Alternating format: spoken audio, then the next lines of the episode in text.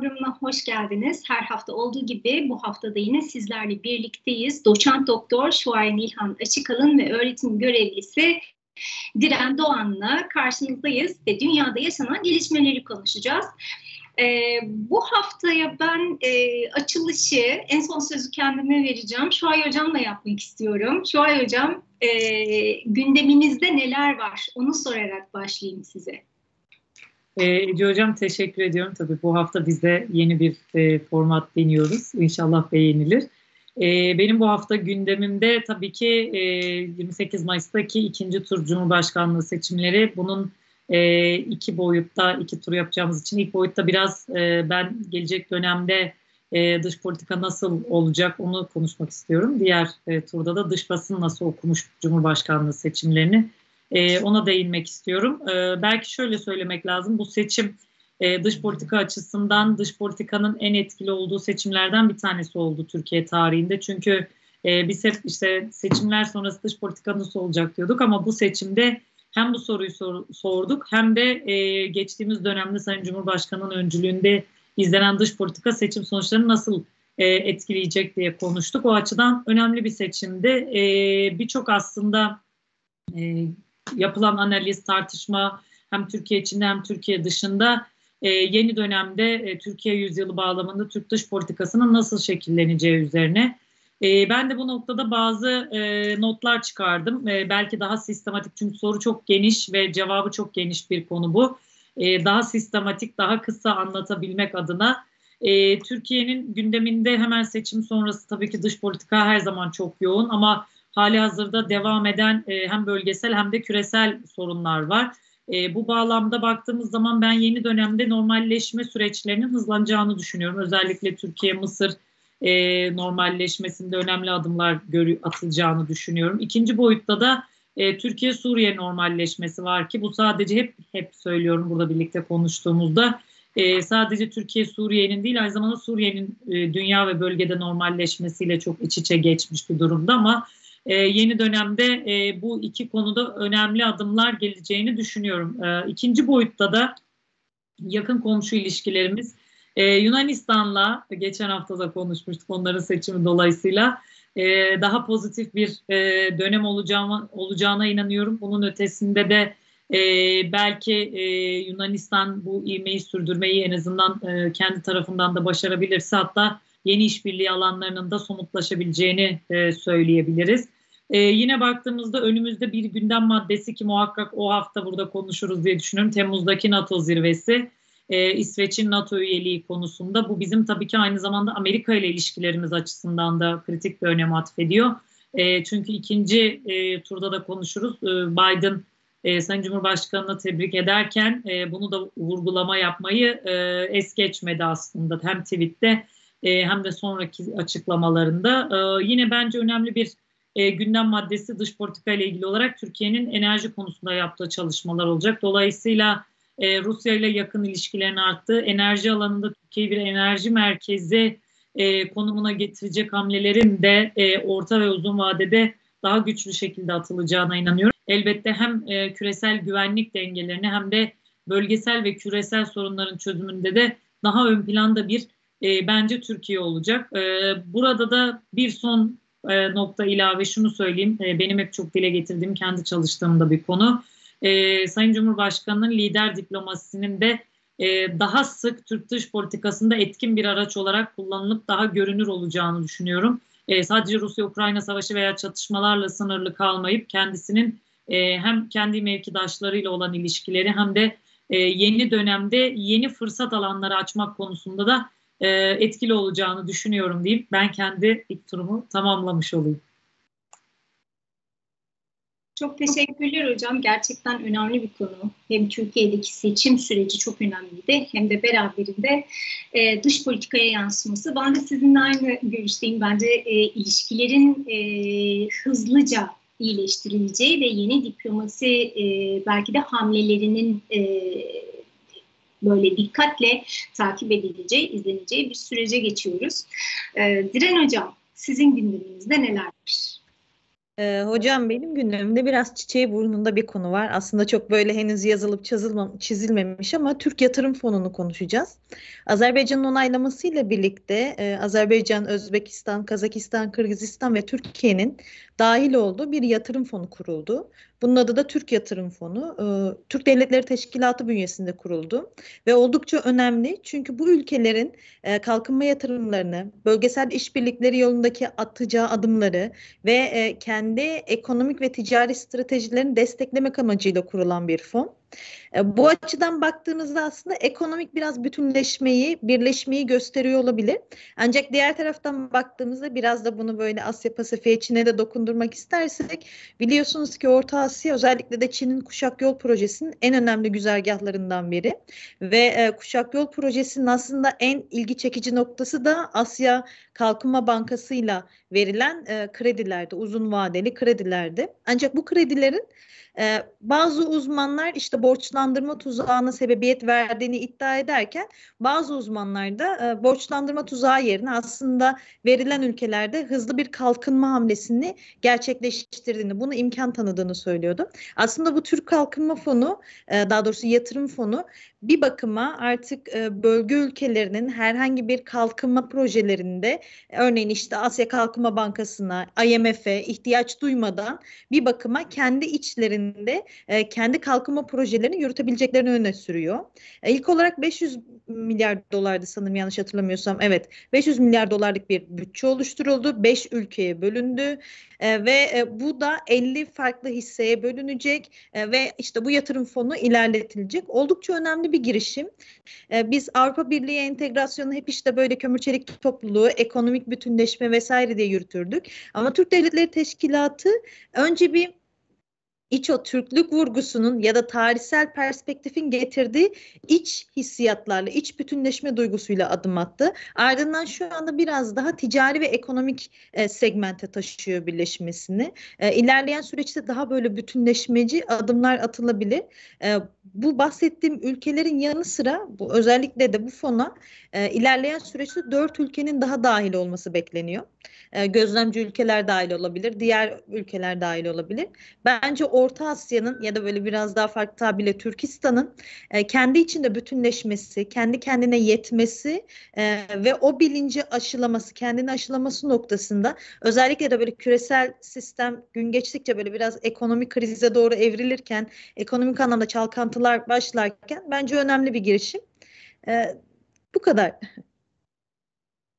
Teşekkürler hocam. Gerçekten önemli bir girişim. Ee, siz de çok detaylı olarak aslında e, önemli noktaları vurgulayarak e, bu konunun altını çizdiniz. Çok teşekkür ederim.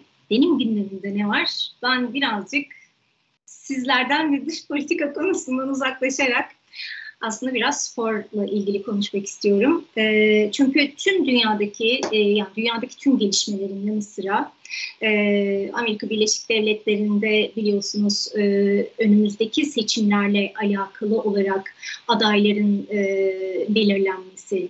İşte Türkiye'de seçimler vardı, Yunanistan'da keza aynı şekilde e, çok hareketli e, politik bir gündem var hem içte hem dışta. Aynı zamanda ama hayatta bazı önemli turnuvalar da devam ediyor hayatın akışında. Ben birazcık Roland Garros'tan bahsetmek istiyorum. Böyle sizin konuşmalarınızdan sonra küçük küçük bir reklam arası gibi olacak bu konuşma büyük ihtimalle.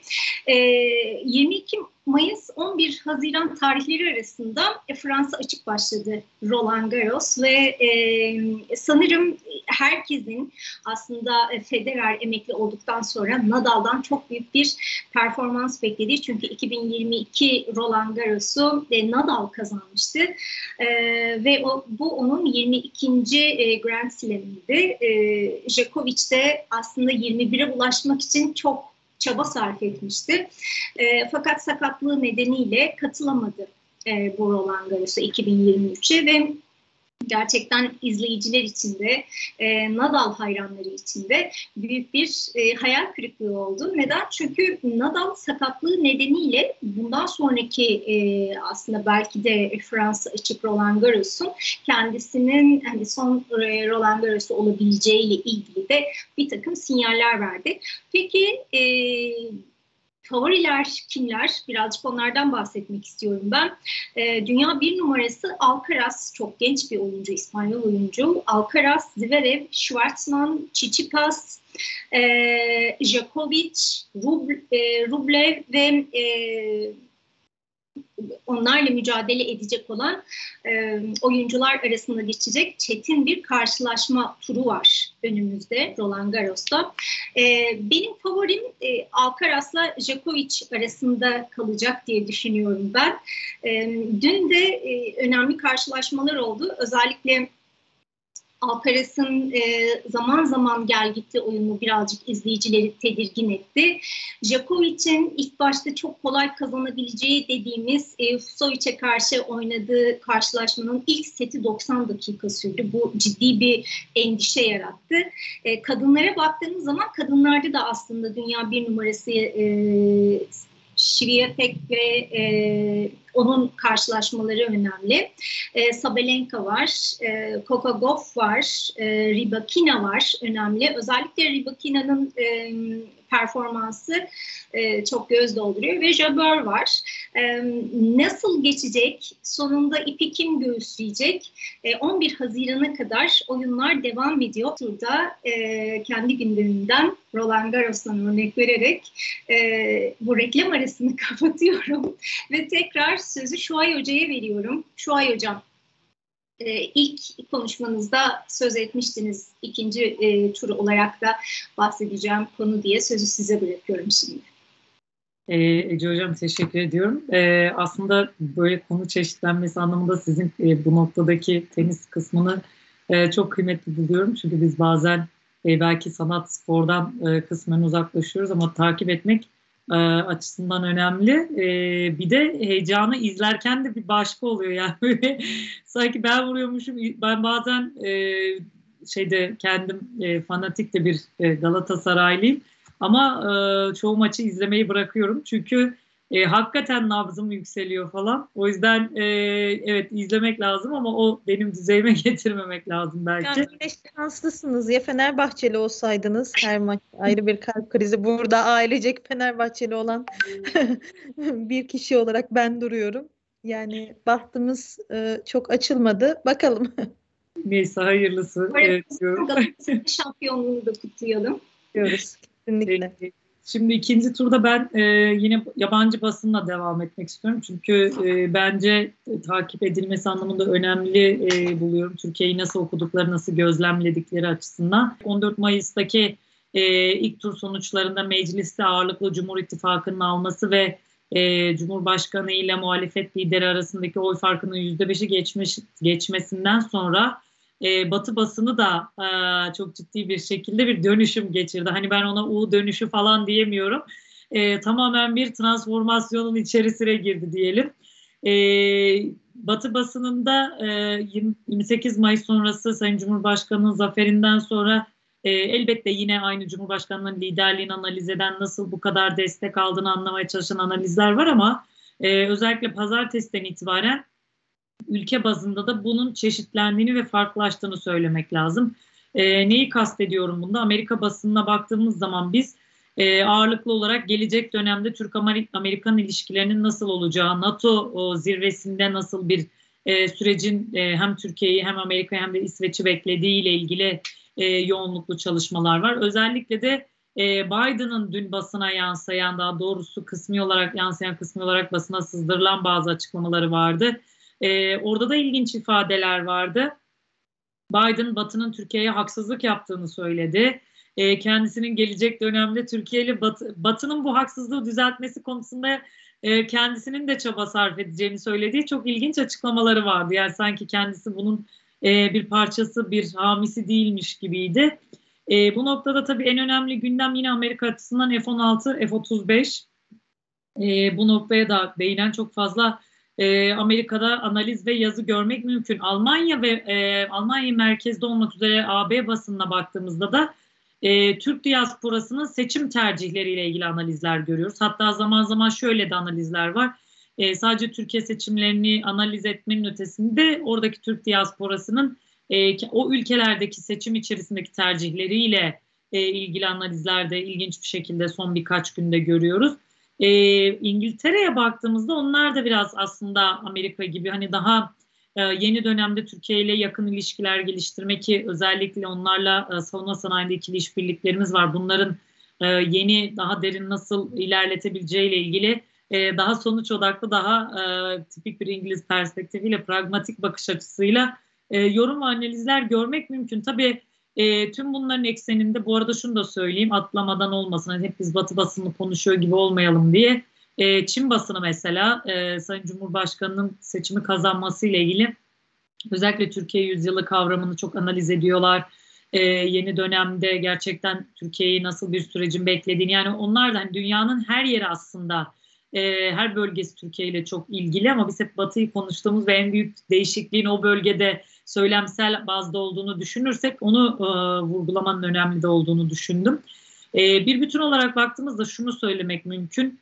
E, biz gelecek dönemde Batı'daki önemli işte düşünür figürlerden neler duyarız e, bunu bilemiyorum. Çünkü sonuç olarak e, bu değişimde bir çıkar odaklı yaklaşımın sonucu ortaya çıkmış bir değişim. Çünkü e, şu anda Türkiye ile Sayın Cumhurbaşkanı ile tüm liderler iyi bir diyalog kurma e, ve bu bağlamda da bölgesel ve küresel sorunların çözümünde işbirliği yapmak e, çabası içindeler. Bu da çok doğal çünkü Türkiye e, çok çok etkili bir aktör ama e, bunların hepsinin sonucunda her seçimde şunu söylüyorum ben bunu tekrar hatırlamak lazım. Batı'nın yaklaşımlarıyla, Batı'nın bakış açısıyla e, Türkiye'yi okumaya çalışan herkes e, büyük bir hata yapar. Onlar kendileri de bu arada bu analizleri de yapıyorlar. Neden okuyamadık Türkiye'yi, sonucu niye kestiremedik diye. E, dolayısıyla da e, evet takip edilmesi gerekiyor, bakılması gerekiyor. E, zaman zaman da bazen bizim için belirleyici olabilecek çok can sıkan başlıkları da gördük ekonomist gibi. E, bunları unutmamak gerekiyor. İlişkileri e, yeni dönemde bir şekil e, aldırırken. Ama şunu da akılda tutmak gerekiyor. Uluslararası ilişkiler çıkarlara dayalı e, çok realist e, bir e, sistem. Dolayısıyla da e, ne olursa olsun günün sonunda e, Türkiye'nin gücünü, Türkiye'nin e, bu bölgedeki varlığını ve bunun ötesinde de bölgesel ve küresel sorunların çözümünde çok etkili bir aktör olduğunu kabul etmiş bir dünya var. Yeni dönemde de e, Sayın Cumhurbaşkanı ile özellikle çok daha yakın ilişkiler kurmak isteyen e, liderler göreceğiz. Öyle görünüyor ki bunlardan bir tanesi de Macron diyeyim. E, bu provokatif cümleyle e, ben kendi ikinci turumu da bitirmiş olayım. Hocam tam belki geçmeden bir şey soracaktım. Macron'un Twitter'da Türkçe adlı tweet'i hatırlıyorsunuz değil mi?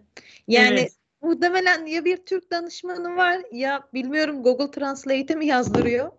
Ama Türkçe'ye yeni kelime bütünleri sokmaya çalıştı. O da bence oldukça enteresandı yani. E, bence e, hemen bir saat sonra atması ve hem Türkçe hem e, Fransızca atması. Çünkü çoğu zaman e, Türkçe atmıyor. Daha önceki seçimlerde biz böyle bir şey görmedik Fransa tarafından. İlginç bir dönem olacağını düşünüyorum ben dünya liderleri açısından. Kesinlikle hocam ben de katılıyorum. İlginç bir dönem olacak. Özellikle Biden'ın açıklaması çok e, hani sanırım herkesi dehşete düşüren ve birbirine e, bakmasına neden olan bir açıklamaydı. Batı olarak tanımladığı hangi batı diye düşünme, düşünmemek elde değil. E, çünkü seçim öncesinde yaptığı açıklamaları biliyoruz. Aslında e, bir siyasi lider olarak e, belki de hani e, dünyadaki seçimlere müdahale edilmemesi gerektiğiyle ilgili çokça vurgu yaptığımız şu dönemde e, Biden'ın özellikle taraf olarak e, yaptığı açıklamalar ve e, Erdoğan karşıtı olarak yaptığı açıklamaları ve aslında e, Amerika Birleşik Devletleri olarak da izlenilen bu anlamdaki politikayı biliyoruz. Ama üzerine bir de hani Batı'ya e, suçlayacak şekilde konuşması biraz düşündürmüyor değil. Sanırım e, Avrupa'dan Türkiye'ye karşı e, özellikle çok ım, sivri politikalar izleyen liderlere de hem bir gönderme hem de sanırım işin ucunda biraz İsveç var diye düşünüyorum ben. E, o anlamda kendisini batıdan sıyırmaya çalışan bir Amerika Birleşik Devletleri. E, Diren Hocam, siz bu konuda yorum yapmak ister misiniz? E, ve artı gündeminizde ikinci olarak hangi konu var merakla bekliyoruz. Elbette aslında ben de hocam bir kuble böyle girmiştim yorum olarak. Ee, şu hocam ziyadesiyle ayrıntılı biçimde analiz etti. Bu Avrupa'nın e, ya da Batı'nın artık nasıl olarak tanımlamak istersek seçim öncesindeki duruşuyla seçimden sonra neticelenmesinden sonraki duruşu gerçekten de böyle derinlemesine analiz edilmesi gereken bir duruş. E, ve çok enteresan ki e, Hollanda'daydı sanırım. Dün ya da önceki gün videosunu gördüm. Bu biraz daha ırkçı bir e, politikacı vardı mesela yayınladığı video ya da e, Avrupa'da yaşayan işte ve Türkiye'ye oy veren seçmenlerin eleştirilmesi, onların üstünde baskı kurulması. E, bunlar da bence tek tek sadece hani siyaset bilimi anlamında değil ama sosyolojik olarak da analiz edilmesi gereken süreçler. E, küresel olarak bir krize doğru gidiyoruz. Ben böyle biraz olaylara geniş açıdan bakmayı önemsiyorum. E, ve her ülkenin kendi içinde güçlü durması lazım. E, bu noktada diğer ülkeler de aslında bu ülkelerle yani e, bütünleşmeye yönelik stratejiler yürütmek isteyecekler. Bence seçimden önceki duruşla seçimden sonraki bu ani değişimin bir sebebi de bu olabilir diye düşünüyorum. Yani aslında ben bugün biraz daha farklı bir gündeme temas edeceğim ama gün geçtikçe aslında her günde e, böyle işte internet sitelerini, sosyal medyayı ya da haber e, bloklarını e, oldukça meşgul eden bir konu yapay zeka.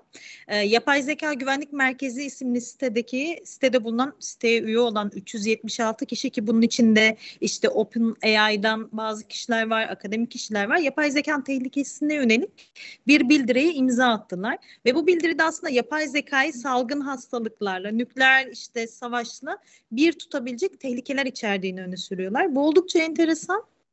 Çünkü yapay zeka hayatımızı o kadar fazla kolaylaştırıyor ki yani chat GPT olsun işte şu anda BART olsun bütün PDF'i özetleme işte geçen gün örneğin Twitter'da şey görmüştüm ee, bir akademisyen e, hocamız işte e, öğrencilerin notlarında chat GPT'den alıntılar olduğunu fark ediyor. Bunu da artık çünkü tespit eden bir uygulama çıktı ve Twitter'dan yazmış işte işte e, bakın bu uygulama e, şey e, alıntı yaptığınızı görüyorum fark ediliyor artık uğraşmayın bununla e, bu yola teşvik etmeyin bu yola gitmeyin diye hemen altında da başka bir şey yazmış.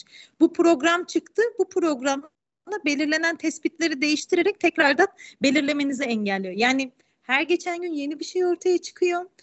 Bu bir taraftan üretime destek verirken diğer taraftan tehlikeleri de var. Ben ChatGPT kullanıyorum ve kullanırken şunu düşünüyorum. Örneğin ChatGPT'ye işte bir yazı yazarken şey diyorum. Bana şu bilgileri verir misin?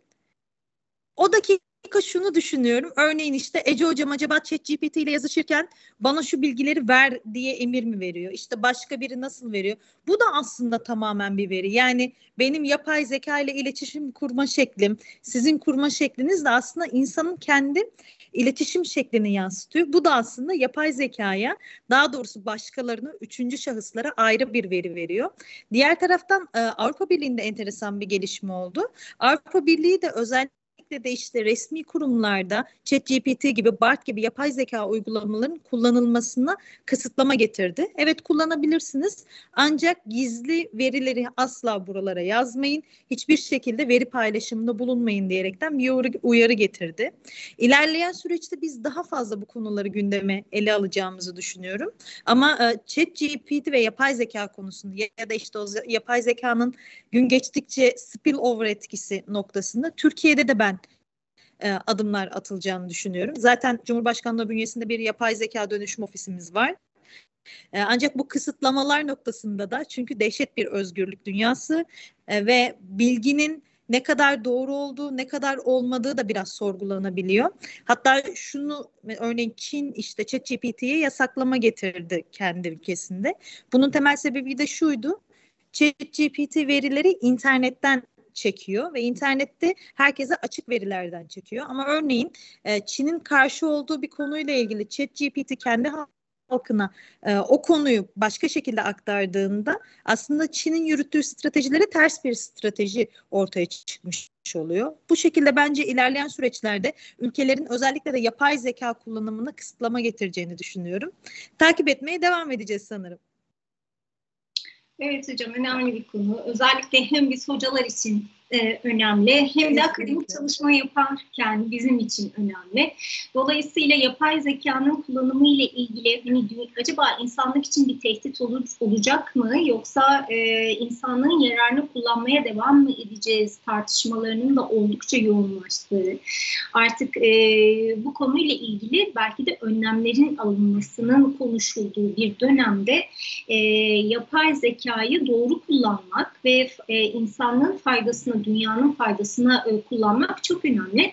Ama beraberinde tabii e, ChatGPT'den özellikle öğrenciler e, kopyala yapıştırla yararlanmaya başladığı zaman işte bir kaynak olarak kullanılmasının çok önemli olduğunu düşünüyorum ben. Ancak e, eğer hani bu bilinçli bir kaynak olarak kullanılırsa ne kadar güzel bilgi edinmek açısından ama e, sadece e, oradakini kopyalayıp yapıştırmak olduğunda zaten eğitim sistemiyle ilgili olarak çeşitli yaralarımız var e, öğrenciye bilgi aktarma konusunda. Sanırım bu daha da fazla derinleşecektir. Sadece Türkiye'de değil bütün dünyada keza aynı şekilde olacaktır diye düşünüyorum. Ve ben son konuma geliyorum. Yine benim konum sizin anlattıklarınıza göre birazcık daha e, soft kalıyor öyle söyleyebilirim.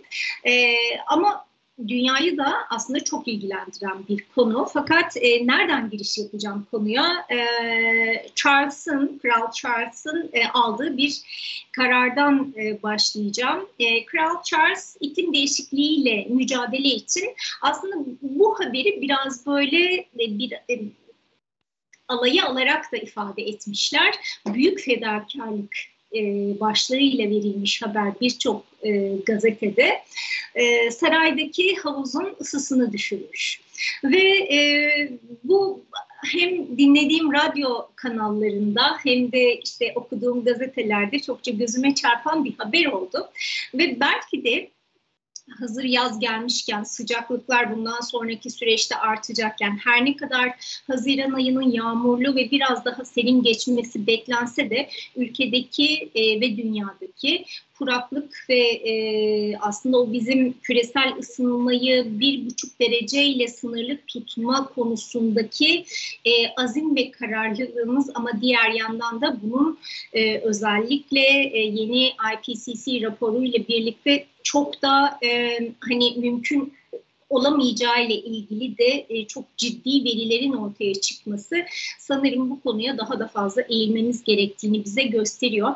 Charles tabii burada e, aslında çok uzun zamandır küresel ısınma ile ilgili bu konuya dikkat çeken isimlerden bir tanesi Kral Charles ve e, konuyla alakalı olarak da e, önlemler alınmasını yine defalarca ifade etmiş bir kişi.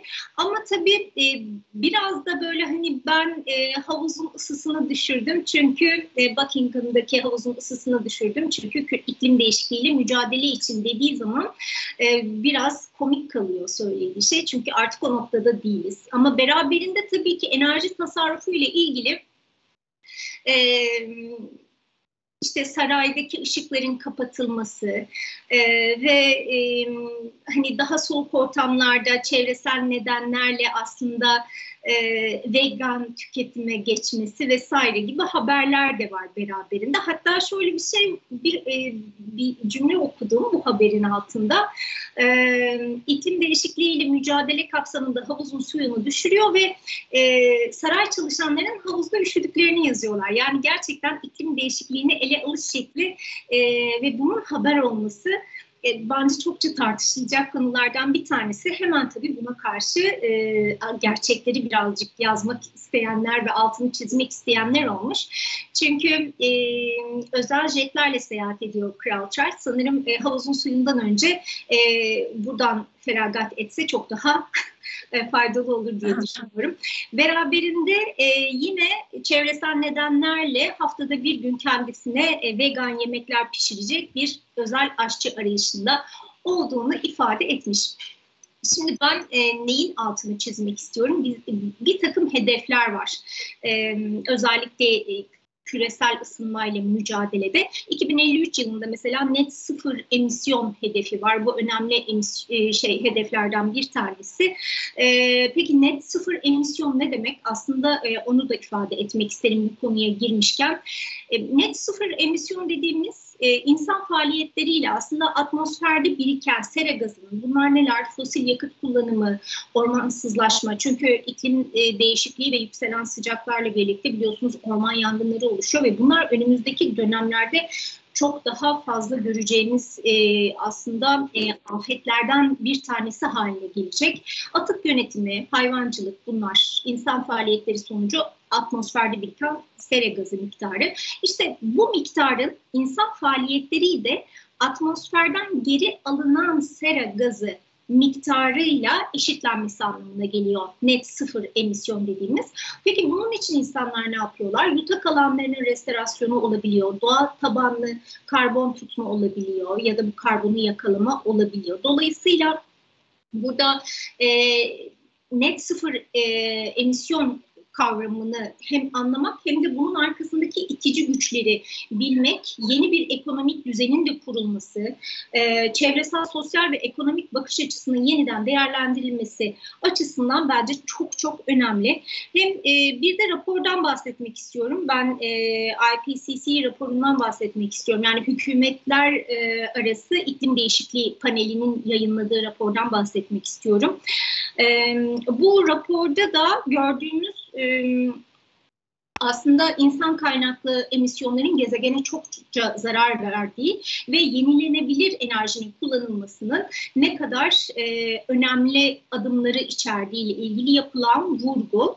E, ancak raporda şunu görüyoruz ki e, iklim etkilerinin e, bilinenden çok daha sert e, bize etkiler yapacağını ve bundan sonraki süreçte o bir buçuk e, dereceyi yani Paris Anlaşması'ndaki bir buçuk e, küresel ısınmanın sınırlandırılması gereken dereceyi takip etmenin hayati önem taşıdığını bize ifade ediyor. Dolayısıyla e, burada e, sıfır emisyona e, yaklaşmak için yani sıfır emisyonu yakalayabilmek için sera gazı miktarını e, düşürebilmek için çokça da e, insan kaynaklı e, çabaya ihtiyaç var. Çünkü dünya kendisini korumaya çalışıyor ama insan kaynaklı olarak da e, buna yardım etmemiz gerekiyor. En azından bizim e, fosil yakıtları olan e, bağımlılığımızdan ve birazcık daha vazgeçebilmemiz gerekiyor.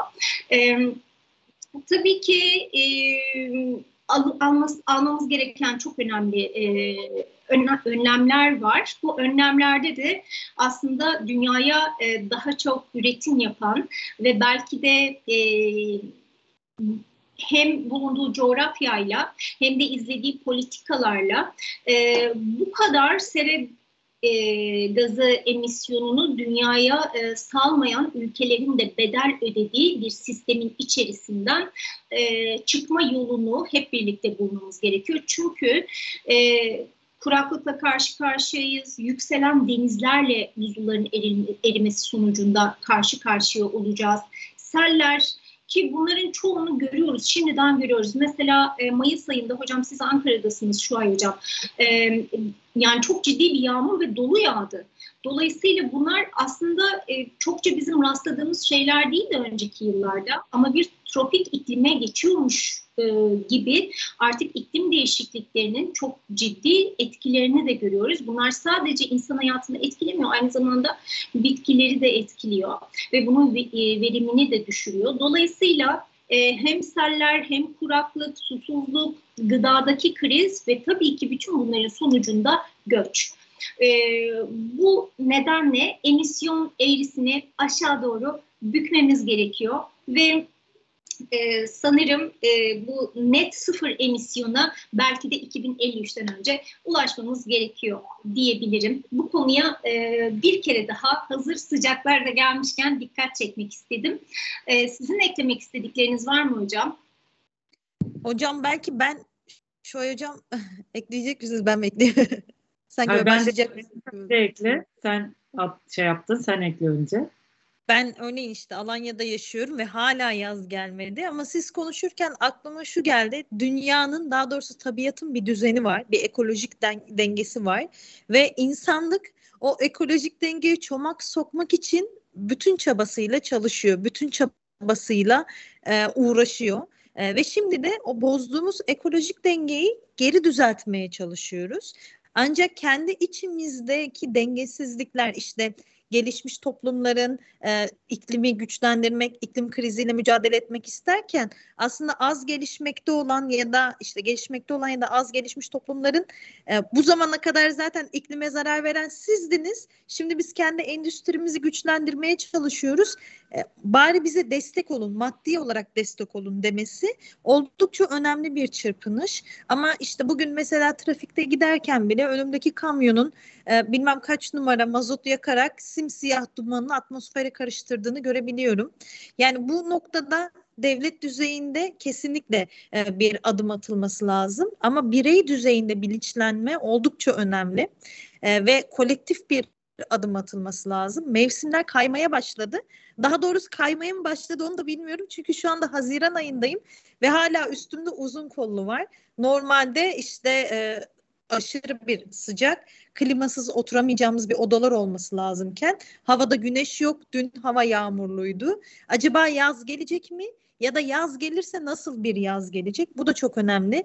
İçinde bulunduğumuz daha doğrusu Mayıs ayı olmasaydı biz aslında gündemimizde ciddi bir kuraklıkla ve dolmayan barajlarla yüz yüzeydik. Evet tamam bu yıl hadi bunu atlattık, bu sorunu çözdük ama gelecek yıl ya da e, kışın ne olacak bunu bilmiyoruz. Yani naçizane kolektif bir bilinçlenmeye ihtiyacımız var. Çünkü bu dünya hepimizin demek istedim. Teşekkürler hocam. Şoay hocam. Ee, ben de sü süreyi aşmadan birkaç şey ekleyeyim.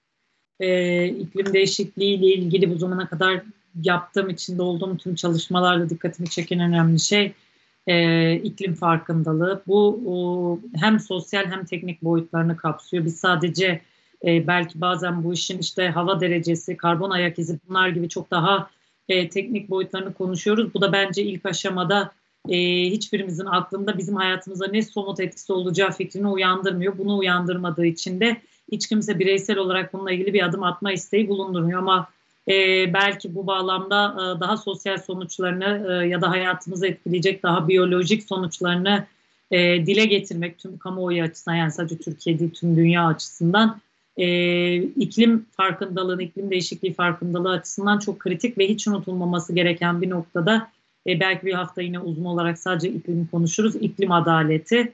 E, burada da en çok e, kadınlar ve kız çocukları dezavantajlı grupta. E, üç kadının olduğu Kadının Gözünden Dünya programında bunu da e, söylemeden bitirmemeliyiz diye düşündüm. Çok teşekkürler hocam. Ağzınıza sağlık. Gerçekten en önemli konuya e, yine işaret ettiniz e, parmak bastınız. Hakikaten çok çok konuşulması gereken bir konu.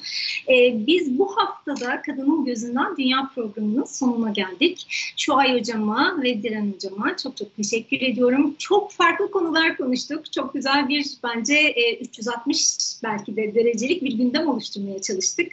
Önemli konulara parmak basmaya çalıştık. E, hepinize iyi haftalar diliyoruz. E, önümüzdeki hafta görüşmek dileğiyle. Hoşçakalın.